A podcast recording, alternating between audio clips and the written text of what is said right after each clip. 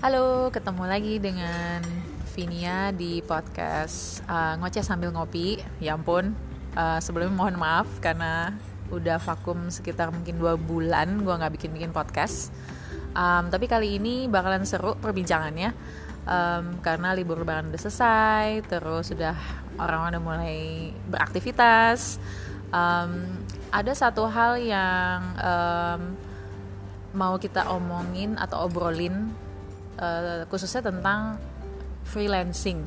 Uh, banyak yang mungkin teman-teman masih uh, ragu bagaimana sih sebenarnya cara untuk bisa survive as a freelancer. Sebenarnya memungkinkan banget gitu. Nah jadi um, di topik podcast kali ini kita akan ngebahas survival tips untuk freelancer dan gue ditemenin sama Nindi dan Reta dua teman baikku yang sebenarnya sekarang juga full time freelancers right halo Nindi halo, halo. Reta. halo.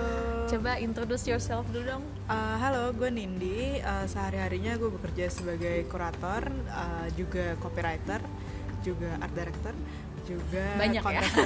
banyak soalnya banyak cicilannya juga. Jadi kadang-kadang demi ditonton hidup itu kita harus bisa berubah-berubah. Betul. Itu moto gue.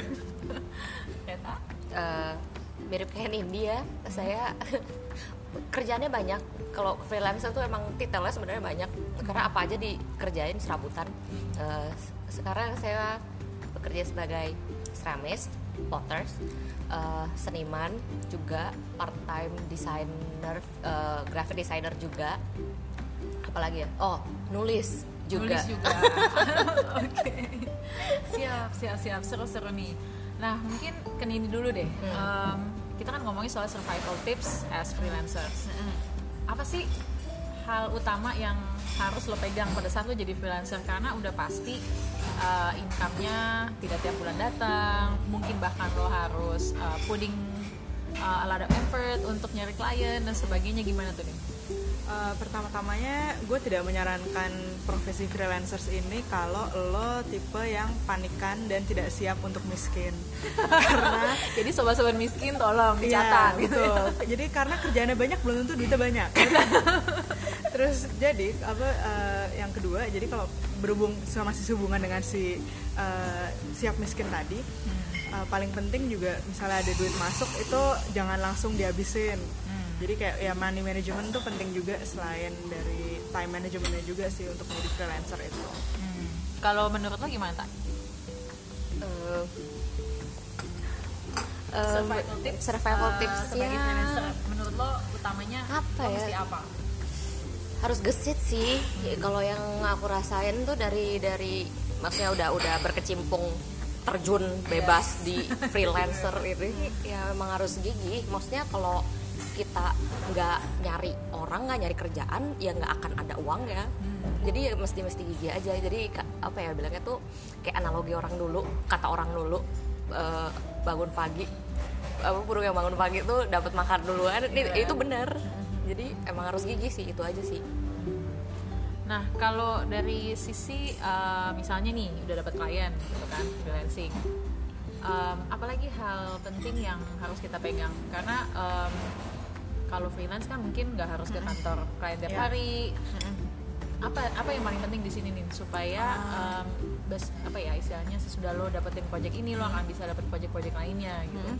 uh, penting juga jadinya juga harus bisa jaga relationship uh, sama klien dan ini sih penting juga kayak lo tuh harus jadi team member yang baik juga jaga uh, jaga hubungan sama orang. Karena lo nggak pernah tahu apakah si klien lo yang ini nanti tuh bisa menjadi rekomendasi merekomendasikan lo ke klien selanjutnya atau pekerjaan-kerjaan selanjutnya. Jadi uh, menjadi freelancer kan bisa dibilang uh, lo tuh hidup dari reputasi lo gitu kan. Jadi kalau misalnya reputasi lo jelek agak susah untuk ke depannya uh, cari klien. Karena sebenarnya bener-bener dunia itu itu itu aja sempit gitu bagaimana tuh menjaga reputasi itu karena kadang gini ya hmm. uh, yang gue banyak lihat hmm. kalau gue main Twitter atau Instagram keluhan teman-teman freelancer tuh banyak hmm. project datang banyak hmm. invoice datangnya telat hmm. invoice mungkin datangnya tiga uh. bulan kemudian gitu Gimana tuh nge-manage itu tuh? Nge-manage itu pertama pokoknya kalau curhat soal kerjaan jangan di sosmed dan kalau misalnya harus banget curhat di sosmed dan kadang-kadang gue juga melakukannya itu lo jangan sebutin nama klien lo atau nama orang-orang yang terlibat sih Hmm, jadi kayak pasti, ya. ah, lo jangan name calling yang kayak oh dasar nih si klien perusahaan ini gila Hmm. Iya. gue nggak dibayar gitu ya maksudnya hal-hal yang kayak gitu komunikasi kayak gitu lebih baik lo lakuin ya behind the Scene. behind the scene aja gitu perkara nanti lo mau berantem via WhatsApp itu Iya. bebas cuman pokoknya jangan sampai itu keluar keluar gitu Hmm, kan terus abis itu ya juga kesel-keselnya lo juga usahain jangan ya pokoknya jangan sampai ngebentak-bentak atau meledak depan klien juga sih Harus bisa menjaga profesionalisme Ah, ah, lah ya. pokoknya main cantik aja ininya maksudnya kalau misalnya mereka ini apa namanya eh, istilahnya siapa ya yang if, if they go low we go high atau apa gitu Oh, Oke. gitulah kira-kira Analoginya. Kita banyak nge-quote nih. banyak ini itu nggak tahu siapa ya yang bilang itu Michelle Obama atau siapa ya mungkin Hmm, coba Michelle nanti, Obama kali coba ya. nanti kita, Kita cek. googling sendiri ya. Kalau menurut lo gimana Rita? Eh, mungkin kayak the biggest challenge of being a freelancer itu sebenarnya apa? Biggest challenge-nya karena kerja sendiri sih. Jadi ya kayak contohnya bangun pagi aja sih. Itu mungkin untuk beberapa orang nggak susah, tapi buat aku itu tuh susah banget bangun pagi. Kalau misalnya kebetulan ya emang kebetulan meetingnya pagi gitu kan. Buk, untuk orang yang bukan morning person tuh susah banget bangunnya. Jadi kayak untuk freelancer apa ya bilang disiplin diri sih. Biggest challenge. diri ya. Uh, biggest challenge untuk hal-hal kecil gitu aja deh kayak yang bangun pagi itu terus eh, ya kita harus nge-schedulein kan. Maksudnya kita karena kerja sendiri jadi kita harus nge-schedulein sendiri. Ini deadline-nya kapan kerjainnya kapan. Maksudnya eh, kita nge-manage proyeknya sendiri. Kapan selesaiinnya kapan ngasihnya kapan meeting apa segala macem. Jadi ya harus kita sendiri juga ngikutin dengan jadwal yang kita buat sendiri gitu. Dan it- apa ya nggak nggak nggak banyak orang yang bisa kayak gitu gitu. Karena kalau misalnya dia seumur hidup eh, di institusi Sudah gitu terbiasa eh, udah terbiasa ya. sekolah kantor itu kan maksudnya udah ada timelinenya sendiri mereka kan tinggal ngikut aja kan itu keharusan gitu kalau kita kan sebenarnya nggak ada yang maksa Iya. jadi ya disiplin diri kalau nggak kalau nggak nggak bisa ya ngapain freelance gitu Nah, berarti tadi udah dua tuh ya. Iya. Kita kuenya time management penting dan money management sama ya, manage- managing lah istilahnya. Kemudian yang kedua, eh, oh tiga actually, menjaga reputasi, reputasi, dengan klien atau dengan siapa pun yang kita eh, punya project itu. Kemudian yang ketiga, tadi yang eh, barusan Reta sebut, eh, which is disiplin. Nah, disiplinnya ini nih mungkin banyak misalnya teman-teman yang ngerasa kalau gue sering dengernya ya, ya maksudnya freelance kan kayak nggak harus misalnya gue datengin kliennya tiap hari, terus kayak gue nggak harus meeting tiap saat gitu. Um, ya sebetulnya uh, dari sisi klien juga harusnya nggak memaksa gue untuk misalnya datang tiap hari atau apa karena mungkin ada beberapa teman-teman yang judulnya mereka freelance sebenarnya. Tapi kayak they have to go to the office uh, of their client misalnya kayak every single day gitu. Nah itu sebenarnya menurut kalian masalahnya ada di mana? Kayak kenapa dia ngerasa jadi terpaksa gitu harus datang ke kantor klien tiap pagi Hmm, kan nggak tahu ya kalau misalnya freelance yang mesti datang tiap hari gitu sih jadi jatuhnya kantor Iya, makanya. bukan- bukan makanya. Bukan freelance, kecuali kalau- misalnya di pas dia di tempat lokasi kantor itu dia bisa ngerjain proyek-proyek yang lain ya. Hmm. tapi menurut gua hal kayak gini tuh mesti diomongin dari awal sih nah iya berarti harus dikomunikasikan Ah, kan. gitu. komunikasi penting juga ya. Kontrak sama kantor maksudnya kliennya itu bagaimana Hmm. Iya, set ekspektasinya. Jadi misalnya ya mesti dari awal dibilangin eh nanti ini gue nggak bisa datang ke tempat lo tiap hari ya. Mungkin Hmm. beda sama kalau misalnya oh tiap hari tapi gue pasti akan report akan ada update atau Iya, apa. update. Beda kan. Tapi sama datang tiap hari karena betul menurut gue kayak kalau lo sampai harus datang dan beraktivitas di situ ya sebenarnya lo sama untuk freelancer aja. nggak efisien itu Iya, iya iya oke kejadian paling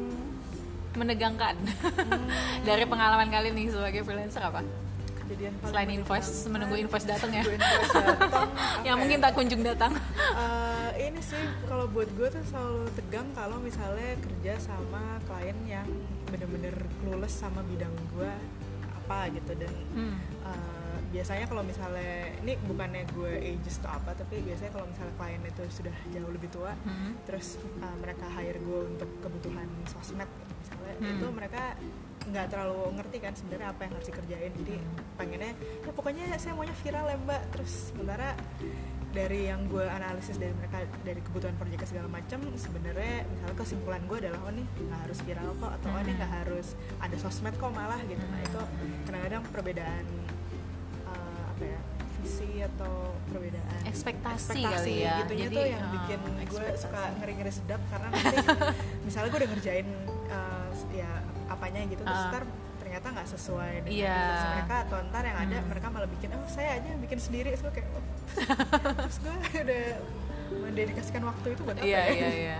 Kalau lo gimana tak? Ada pengalaman bener sih meneg- nggak? yang menegangkan tuh ini delivery kerjaan kita ke Hmm. kliennya jadi saat ke apa yang kita kerjain itu ternyata gagal atau gimana. Kayak aku di keramik kan. Keramik tuh paling banyak lah banyak banyak apa ya bilangnya tuh banyak di saat-saat itu tuh bisa nggak sesuai ekspektasi keluarnya. Maksudnya banyak ya prosesnya itu yang bikin bikin hasilnya tuh nggak akan bisa plek jadi sempurna gitu. Pasti pasti banyak faktor yang bikin itu tuh nggak nggak bisa sesuai ekspektasi. Misalnya hmm, dari warna gitu. Ah, kan. dari warna bener-bener dari bentuk dari warna dari bentuk nah saat itu tuh kita ngasih ke klien dengan face to face gitu terus kita ngelihat mereka sendiri apa reaksinya gimana ya itu itu saat paling tegang sih buat aku Nah biasanya uh, how do you deal with that? Kayak lo biasanya gimana? Ah, itu selalu setiap kali eh, di awal pasti udah ngomong dulu ada disclaimernya. Yes. Keramik tuh prosesnya begini, cara Ya. kerjanya tuh begini. Nanti hasilnya nggak akan bisa sama persis seperti yang gini. Jadi memang harus di disclaimer dari awal udah kasih tahu. Tapi tetap aja kalau terakhir pas kita deliver itu kerjaan dan ternyata maksudnya ya mengecewakan gitu kan buat mereka kan kitanya juga gitu nggak kayak momen-momen gitu ya. iya kayak mau disidang gitu loh. Iya iya. Lo pernah ngalamin yang kayak gitu juga nih? Eh, pernah sih tapi habis itu ya kayak gue menjelaskan ke kliennya juga ini sebenarnya kenapa alasan-alasan kenapa misalnya hasilnya tidak achieve sesuai yang diharapkan atau sesuai yang dijanjikan di awal gitu. Terus dan eh, ada sih klien yang misalnya mereka nggak ngerti terus kalau udah kayak gitu sih ya menurut gue agak susah juga dan Nah iya itu Uh-uh. yang nggak di nggak bisa di Nggak bisa diprediksi di juga kadang-kadang. Prediksi. bukan nggak bisa dirasain sama orang yang ngantor karena mereka kan biasanya dapat kerjaan dari atasan kan. Maksudnya ya udah mereka cuma mengerjakan apa yang diminta gitu. Ah, ah, Kalau kita kan enggak gitu. Jadi Iya, iya. beneran harus ngedil sama Iya iya. itu gitu sama kliennya sendiri. Sedangkan kalau misalnya orang kantoran kan biasanya yang ngedil sama kliennya Ya udah mungkin atasan, ah, atasannya, atasannya, bosnya, iya benar benar benar. ya mungkin ini sih ya kalau kalau freelancer tuh salah satu yang challenging juga adalah um, we need to wear many hats Iya, so benar. misalnya kita lagi pitching ke klien ya we as like business development atau istilahnya orang salesnya lah. Iya. and then executing kita juga harus executing Iya. sendiri. Memanage uh, apa deliverablesnya juga memanage sendiri. Jadi antara very lonely journey. very lonely journey gitu. Tapi um, how how do you uh, maksud gue gini. Karena sekarang udah full time melakukan itu gitu. What's in it for you that actually keeps you going with the freelancing? Uh, kalau buat gue pribadi karena gue tahu gue bukan tipe orang yang bisa survive di kan apa environment kantor.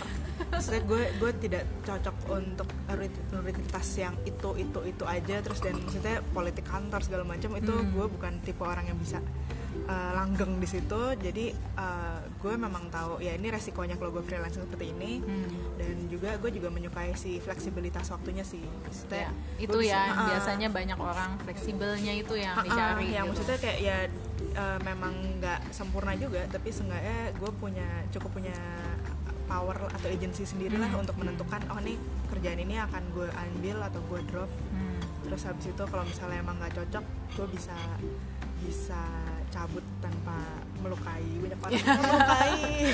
Oke, gue punya pertanyaan Marita. Lo pernah nggak ngambil kerjaan eh, tanpa lo sadari terlalu banyak dan akhirnya nggak ke deliver? Eh, Pernah ada kejadian, kejadian kayak gitu?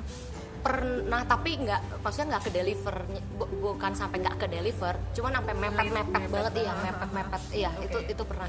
Eh, kayak misalnya holiday ini lagi libur anak sekolah itu semua semua bidang yang lagi gua kerjain itu semuanya minta kerjaannya di deliver.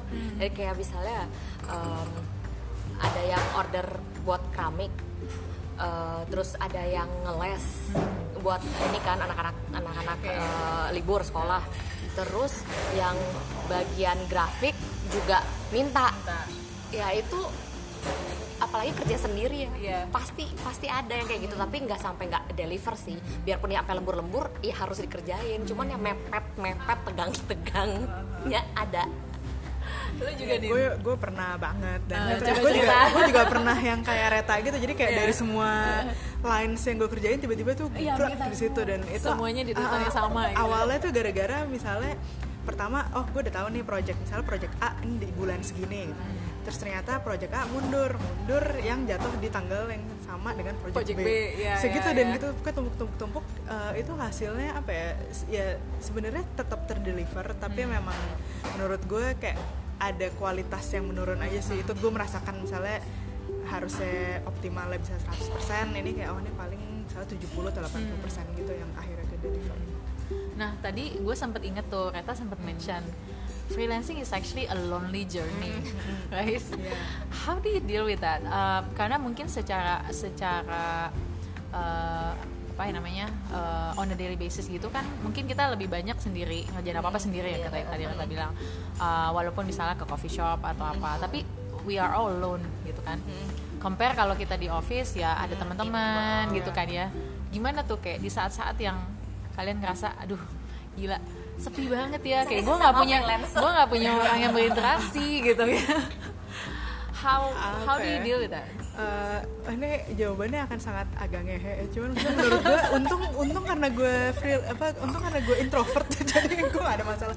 Eh, tapi kadang-kadang kalau misalnya lagi sepi kayak gitu ya bener sih agak eh, take time untuk misalnya ketemu orang. Terus habis itu ya ketemu sama sesama freelancer juga terus kerja di suatu tempat di cafe atau di mana gitu tapi sejujurnya kalau gue pribadi sih gue jarang merasa sepi. Oh gitu ya? Jadi emang emang mungkin uh, you are within your uh, environment yang emang lo lebih merasakan lebih cocok di situ. Bisa jadi juga dan karena menurut gue kayak kan base dari semua pekerjaan gue adalah writing dan writing Hmm, ya, ya, ya. sendiri kan adalah it's a one person job Betul, juga. Jadi betul. dari awal mungkin gue udah punya kesadaran ya kalau emang nggak mau nggak bisa sendiri ya jangan nulis lah gitu. Jadi gue ya gue cukup tahu dengan konsekuensinya. Oke kalau lo gimana? Kalau aku sih beda sih sama Nindi by nature aku tuh orang eks- extrovert Yes, you are butuh iya extrovert. butuh butuh orang untuk ngobrol butuh butuh muka bukan tembok. Yes. Jadi tapi maksudnya di lain pihak agak-agak masochis kayaknya jadi emang suka apa ya kerjaan yang sendirinya ini ketegangan-ketegangan yang aku rasain sendiri itu itu tuh addicting buat aku kayak adrenalin gitu Iya kali ya. benar-benar kayak adrenalin. Jadi itu in a way itu kayak adrenalin rushnya aku tuh di situ yang saat sendiri sen- sendiri terus merasakan semua at one time tuh magnified sendiri. Ya itu aku menikmati sebenarnya. ya, ya kalau misalnya lagi lagi lagi butuh teman banget ngobrol cari mungkin cari freelance lain kali ya untuk diajak ketemu dan ngobrol. Kayak gini Oh, kayak gini, kayak gini. gitu ya. Oke oke so um, balik ke survival tips tadi buat freelancer. Um, yang tadi kita udah bahas uh, berarti kan ada time management itu termasuk money management. Lo harus bisa uh, sebagaimana istilahnya kalau di bulan ini lo dapet project gede ya lo harus bisa nge-manage uang itu mungkin run rate-nya sampai tiga bulan ke depan gitu kan? nah terus dari itu yang kedua uh, lo harus punya disiplin ya kan? Disiplin waktu disiplin ya lo mau ngerjain kapan aja mungkin bisa tengah malam pun bisa tapi uh, sebagaimana apa bagaimana mungkin lo harus bisa misalnya melakukannya within the apa deadline lah gitu. Terus yang ketiga tadi apa ya? Yang ketiga tadi tuh Reputasi. eh, reputasi, reputasi jaga menjaga relationship dengan klien. Uh, supaya uh, istilahnya biasanya kan word of mouth juga ya Nin ya. Kalau freelancer itu satu klien udah happy dengan pekerjaan kita bisa aja dia nge-refer ke yang lain gitu. Terus yang keempat tadi apa ya? Dulu keempat tadi eh, tadi apa ya? Di rewind nanti di rewind aja ya guys ya. Sorry ya. Soalnya ini emang spontaneous sih podcast saya. Jadi Iya. kayak emang kita mau coba uh, ngasih sedikit tips gimana caranya sebenarnya lo bisa survive sebagai freelancer. Asal lo emang istilahnya lo punya komitmen pada diri sendiri lah. Karena udah pasti it's a lonely journey. Uh, lo harus ngelakuin semua semuanya sendiri. Which means lo juga harus punya komitmen dari diri sendiri bahwa oke if I'm gonna do this then I have to do it uh, right gitu kan supaya uh, lo juga menjaga reputasi uh, pekerjaan lo gitu. Ada kata-kata tambahan mungkin? Ya, eh, oh ya mungkin gue mau nambahin kan dari eh, cerita gue dan Reta ini kan kita eh, orang-orang yang melakukan banyak sekali kerjaan. Iya. tapi kalau menurut gue pribadi eh, gue pribadi tuh bukan orang yang multitasking sih. Jadi gue Hmm. sangat percaya dengan monotasking untuk bisa fokus. Jadi Hmm. maksudnya berapapun berapapun banyak ya pekerjaan lo tetap menurut gue biar efektif itu lo mesti fokus dulu ke satu satu jadi ker- dikerjain satu-satu daripada ngerjain sekaligus. Hmm. kalau gue percayanya itu sih. Berarti mungkin itu ya yang keempat ya usahakan tidak multitasking karena mungkin multitasking uh, in a way um, bisa dibilang bagus tapi sebenarnya um, rada merugikan dari ya dari segi kualitas gitu kan bisa jadi kayak kita we're doing like three things at the same time which is not Iya. very Oh. useful ya kan Kalau aku ada satu lagi sih. Gimana, Ini Tak? Penting sih. Maksudnya untuk kalian yang freelancer atau yang mau terjun Hmm. mikir-mikir mau freelancing eh, omongan orang sih. oke Uh, what about omongan orang Eh, jadi society pasti ngelihatnya tuh kayak eh, lu tuh ngapain? oh iya benar Kalian ngapain? Itu bukan profesi, bukan kerjaan. Ya harus ini sih harus tahan banting. Karena maksudnya ya sekali dua kali kita menjelaskan apa yang kita kerjakan masih oke. Tapi kalau semua even sampai orang terdekat kita juga mempertanyakan apa yang kita kerjakan itu lumayan ngeselin sih. Jadi ya ngebuktiinnya. Nah gimana cara ya, ngebuktiinnya? Heeh, ngebuktiinnya susah.